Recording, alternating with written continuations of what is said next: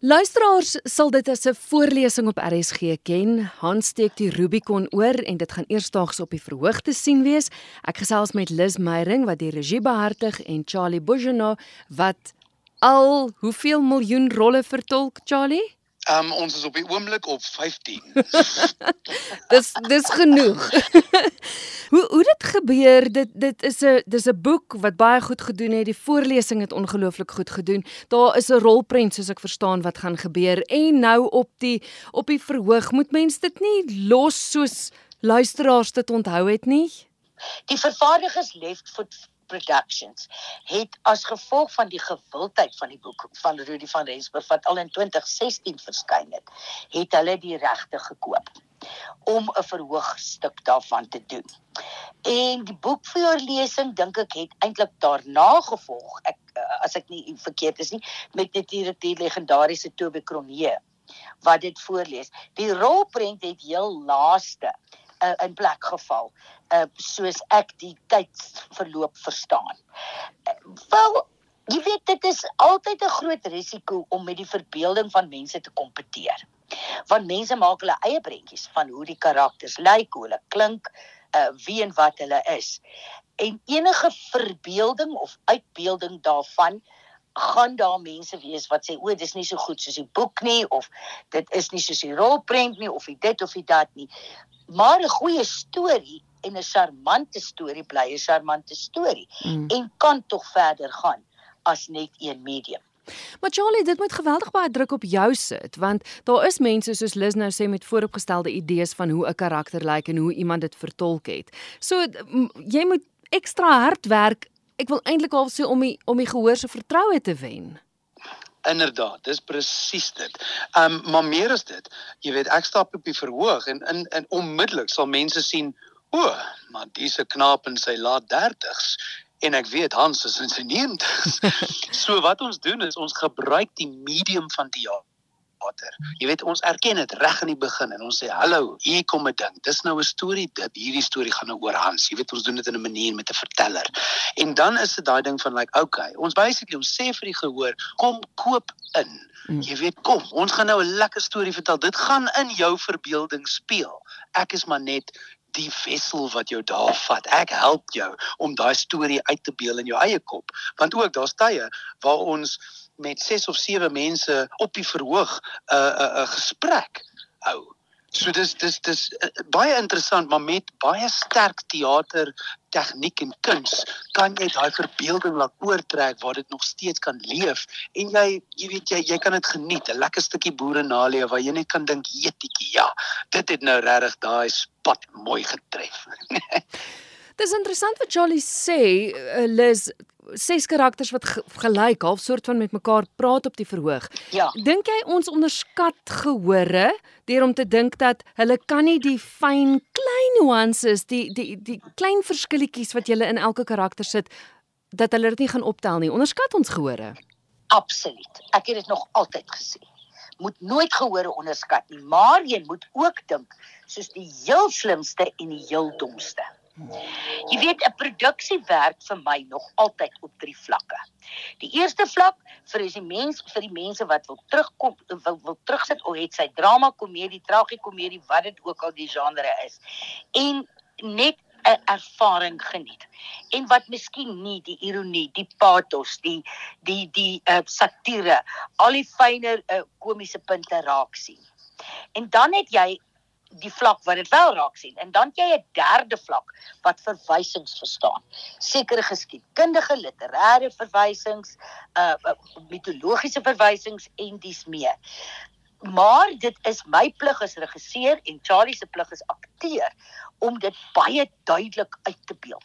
So hierdie is 'n volkskomedie, so dit word in 'n komiese klugtige styl gespeel, maar ek glo soos die Europeërs en die Britte dat geen styl is te groot as dit in die waarheid gegrond is nie en in die eerlikheid gegrond is nie. Want onthou hier moet ons kortom vir 'n gehoor sy dat dit nou hierdie karakter is. Hmm.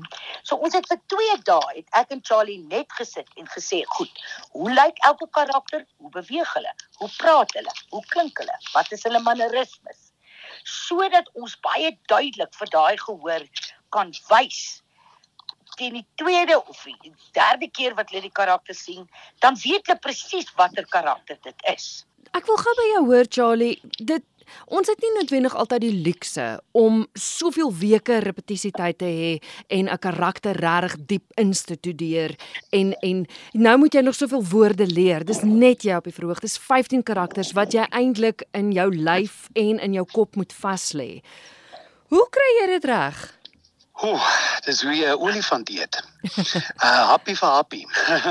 ek moet sê dit voel altyd asof ons te min tyd het. Ons het omtrent so 4 weke gehad. Uh jy weet dit ook met ons skiet skedules ensovoort ensovoorts. Um hulle het ook vele uh, one woman shows wat toer ens ens. So ons voel, vind elke oomblikie wat ons het om saam te werk, maar dit voel nog steeds asof ons ten minste 'n week of so kort is want ook met die verwerking, jy weet elke keer as jy as as as jy die die teks behartig as jy like o, hier moet ons verfyn. Okay, hier moet ons net bietjie helderder en duideliker maak en so en so en so gaan jy. Ek praat van die groot negotiation waar ons deur die ding blok En dan sit like elke klinker, elke silabel word like okay, werk dit, werk dit nie. Wat dien die storie? Hoe kan ons hierdie storie op die planke kry waar dit alles dien wat hy moet. Jy weet dit moet daai wonderlike stuk samelewing wees, daai storievertelling, daai teater, ehm um, jy weet uh ding wat mense kan gaan geniet en so. So dit voel regtig te min tyd. Dit voel altyd te min tyd, maar dis ook maar hoe dit is in die moderne era. Jy weet ons het almal stories van hoe ons uh jy weet 'n show in 'n aand of 'n week moes leer of wat ook al want iemand jy weet en dan kry jy die geleentheid hmm. en jy vat die geleentheid of nie. So soos ek sê, dis klein hartaanvalletjies, maar ons ehm um, doen dit in die in die in dieselfde rigting, almal trek dieselfde rigting en ons sien uit om daar te kom, maar dis dis daai baie werk tussen nou en dan om dit te doen. Sandra Prins het eendag vir my gesê, "My darling, jy gaan elke keer sê jy wens het ons sê dit almal, ons wens ons tog 2 weke gehad." Dit is noodwendig yep. om onthou om ook om eerlik te wees. Dit was al in die media, so ek sal dit ook so stel. Dit is 'n produksie wat ek en Charlie geërf het. Die oorspronklike akteur wat sou speel is Ben Creer. Nou ons weet so hartseer Ben is oorlede. Um en uh, ons sit met die dilemma in in Suid-Afrika in Afrikaanse teater dat ons nie akteurs van 'n hoër ouderdom het wat of beskikbaar is nie of kans sien vir hierdie uitdaging nie ja. of dalk in 'n ander veld in beweeg het. Jy weet hulle begin regie doen of tydens Covid het baie mense die bedryf verlaat uit uit nood ja. en ander beroepe gaan gaan begin volg. So want ek weet dit is die eerste ding wat mense vir my gaan sê is maar hoekom het jy nie 'n man van 80 byvoorbeeld gekry om te doen nie. Bloot wonderlike, deurleefde, ervare akteurs wat net vir my sê ek sien nie kans. Ja. Ek het nie meer die stamina om dit te doen nie. Ek sien die kans vir hierdie enorme hoeveelheid woorde nie.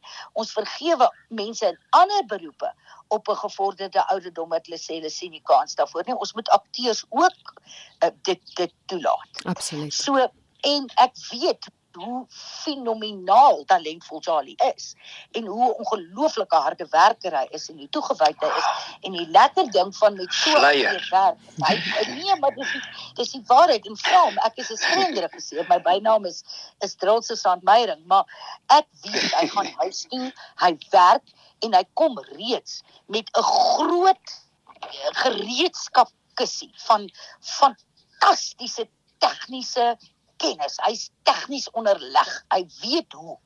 Uh, so hierdie is 'n regie. Dit is nie klas gee nie. Ja. Hier hoef ek nie iemand te leer om te speel nie wat die produksie baie lekker maak en wat ons al daai fyn nuances kan byvoeg. En ek weet ook as ons besluit ons verander 'n stukkie dialoog of ons verander 'n toneel of ons sny hierdie of ons sit hierdie by, is dit 'n akteur wat dit kan absorbeer. Hy het die konsentrasie, hy het die stamina en ek hou daarvan dat ons in 'n een persoon stuk die die talent en die uh, die vaardigheid van 'n akteur sien hmm. om die storie te kan verbeeld.